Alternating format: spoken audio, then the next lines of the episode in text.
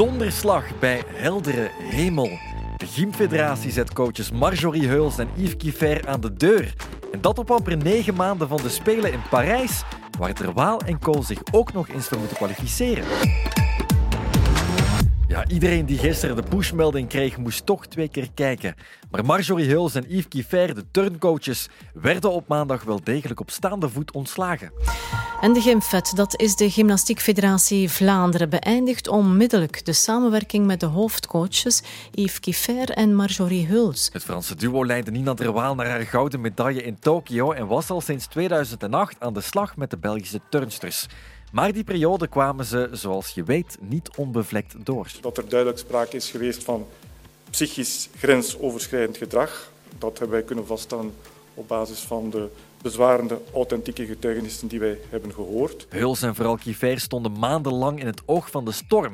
Een storm die pas ging liggen nadat de twee hun excuses aanboden. Nous présentons nos sincères excuses à toutes les gymnastes qui ont pu ressentir, de quelque manière que ce soit, un comportement transgressif psychologiquement. En eentje die nu weer oplaait, want het persbericht van de Gymfed zegt enkel dat het vertrouwen zoek is en dat doet de geruchtenmolen stevig draaien. Is er een nieuwe klacht voor grensoverschrijdend gedrag? Dat is absoluut uh, onverwacht. Uh, het is voor ons onverwacht en het is blijkbaar, of het was gisteren blijkbaar ook heel onverwacht voor de huidige groep van turnsters. Je hoort Steffi Merleveta, onze gymkenner, die twee weken geleden het WK in eigen land nog op de voet volgde. Dat vind ik vooral nog het meest verrassende, dat zij ook helemaal niet op de hoogte waren. Bijvoorbeeld Nina Derwaal, die, die kreeg het ook pas gisteren te weten, blijkbaar terwijl ze op de massagetafel lag, Olympisch kampioene.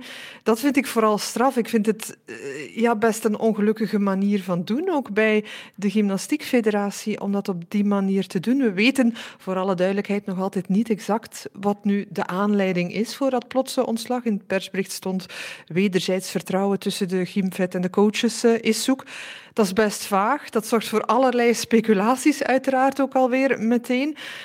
Maar goed, we kunnen alleen maar gissen. Um, heeft het te maken met het WK dat absoluut niet goed was voor de Belgische vrouwen? Ze hebben dat Olympische ticket niet gepakt. Niemand heeft de finale gehaald. Maar goed, ze hadden ook wel heel veel pech met Nina Derwaal, geblesseerd, geopereerd intussen. Lisa Valen, die dan ook nog eens ziek was. Maar Lies Brassard had last van de enkel. Dus dat zijn natuurlijk wel belangrijke factoren. Dus dan kun je het eigenlijk de coaches ook niet, niet kwalijk nemen, vind ik dan zelf. Dat moet je toch in rekening nemen. De prestaties op het WK in Antwerpen waren inderdaad niet optimaal. De Belgen eindigden pas op de zeventiende plaats en niet in de top 12 die kon rekenen op een Olympisch ticket.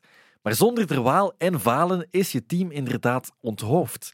Daarom vraagt Steffi zich ook af of dat WK de enige oorzaak was. Um, er is natuurlijk een paar jaar geleden, nog voor de Spelen van Tokio, heel die zaak uh, geweest, die onderzoekscommissie um, naar uh, mentaal grensoverschrijdend gedrag bij uh, Uls en Kiefer, na klachten.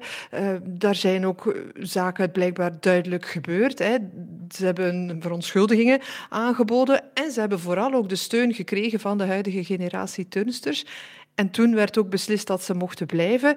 Um, bij de Gymfet wisten ze ook wel waarom ze ze aanhielden, denk ik. Want zonder die coaches was het in Tokio ja, heel erg moeilijk geweest. En was dat goud van Nina Derwaalder misschien wel niet geweest. Dus het maakt het extra verrassend dat het dan nu op deze manier wel gebeurt. Zeker, want ook nu willen de Belgen presteren op de Spelen in Parijs en vooral kwalificeren voor die Spelen. Negen maanden voor het toernooi moeten de atleten nu plots alle trainingsgewoontes met hun coaches verbreken. Uh, ik vind, ja, dat mag wel gezegd worden, dat ik dat een verkeerde beslissing vind, ja. Je hoort Lode Grosse, vandaag algemeen manager van de Vlaamse Zwemfederatie. Maar tussen 2013 en 2020 stond hij aan het hoofd van de Gymfederatie. Ook zijn rol in het gedoogbeleid rond het grensoverschrijdend gedrag werd besproken door de onderzoekscommissie. De Gymfed was op de hoogte van de klachten en heeft volgens ons op dat moment onvoldoende ondernomen om daar aan te verhelpen. Dat vooral de meerledige rol van de algemeen manager op dat moment als nefast kan worden gezien. Nu reageert hij op het ontslag van die coaches. Ik vond één, ja, ongelooflijk verrast. En twee, uh, ja, ongelooflijk uh, jammer dat dat zo moet gebeuren ten opzichte van en de sporters en uh, coaches die daar toch 15 jaar gewerkt hebben. Hè. Ja, Grosse is het niet eens met de beslissing om de coaches te ontslaan en dan zeker niet met de timing ervan. Ik vind dat uh, onbegrijpelijk. In functie van voorbereiding van atleten naar de Olympische Spelen toe is dat denk ik ongeveer het slechtste moment om dat te doen. Zeker in zo'n sport als gymnastiek, waar dat er echt heel weinig uh, topcoaches beschikbaar zijn. En die dat beschikbaar zijn, die zitten nu in een Olympisch programma. Vreemde timing, inderdaad, op negen maanden voor eh, de Olympische Spelen. Um, er staat ook in het persbericht, we gaan op zoek naar een opvolger. Dus dan denk ik, ja, wat nu in die tussenperiode? Je kan toch niet plots eh, stoppen met trainen? Het is nu net een heel belangrijke, moeilijke periode ook. Hè. Die opbouw die moet gebeuren richting de Spelen. Hè. Denk maar aan Nina Derwaal. Ze heeft al maar zo'n korte periode om, om er te staan. Want die wereldbekers, waar ze het nog wil doen voor de Spelen, die komen er in februari en maart al aan. Hè. Uh, goed, ze is natuurlijk nog maar een maand geleden geopereerd geweest aan die schouder. We gingen daar normaal uh, meer uitleg over krijgen op een persconferentie, maar die is intussen um, uitgesteld na dat nieuws van dat ontslag. Dus ja, eigenlijk weten we niet zo goed wat er nu precies eh, gaat gebeuren. Zeker met, met Nina Derwaal. Nee, die persconferentie is inderdaad uitgesteld. Derwaal wacht dus met communiceren, want ook zij zal haar opties afwegen. Derwaal zweerde voor Tokio 2021 nog te vertrekken als haar coach Marjorie Heuls zou moeten vertrekken ik weet nu al, maar ja, stel dat er toch iets uit die commissie komt en stel dat het Ginvet toch genoodzaakt is om, om stappen te ondernemen, ja, ik ben mee. Hè. Ja, jij bent heel loyaal omdat je zo, zo, ja, zo ver gebracht Tuurlijk, en ik heb ook geen keuze. Wat denk je dat ik... Stel dat, dat er in, in, in maart uitspraak is over die commissie en ik moet dan mijn nieuwe trainer ja, beginnen... Ja, een streep trekken door de Olympische. Spelen, ja. Dan moet ik er niet meer over beginnen nadenken. Ja, ik denk dat dit voor haar ja, echt een, een, klap is, een, een, slag in het gezicht is. Ehm, vooral omdat zij zo'n goede band had met Marjorie Euls. Al als kind zat zij al in dat topsportcentrum in Gent met Euls samen te werken. Dus ja, ze heeft ook haar lot met die hele affaire rond het grensoverschrijdend gedrag echt wel aan uh, Marjorie Euls verbonden. Ze zei toen voor Tokio, als uh, Marjorie Euls moet vertrekken, dan ik ook. Dus dan is het nu echt wel de vraag, wat gaat ze dan nu doen? Gaat ze dan Marjorie Euls volgen, eh, misschien samen met haar elders gaan trainen? Dat wordt dan financieel een ingewikkelde zaak, neem ik aan. Um, ja, gaat ze toch met een andere coach eh, trainen? Komt er nog een wit konijn eh, uit de hoed, zal ik maar zeggen? Is het dan optie om bij de mannen te gaan meetrainen voor bepaalde turnsters misschien. Misschien niet meteen voor Nina Derwaal, want de brug dat is heel specifiek een vrouwentoestel. Maar Lisa Valen bijvoorbeeld is heel goed in sprong. Um, bepaalde van haar sprongen doen mannen ook. Dus misschien is dat wel een optie.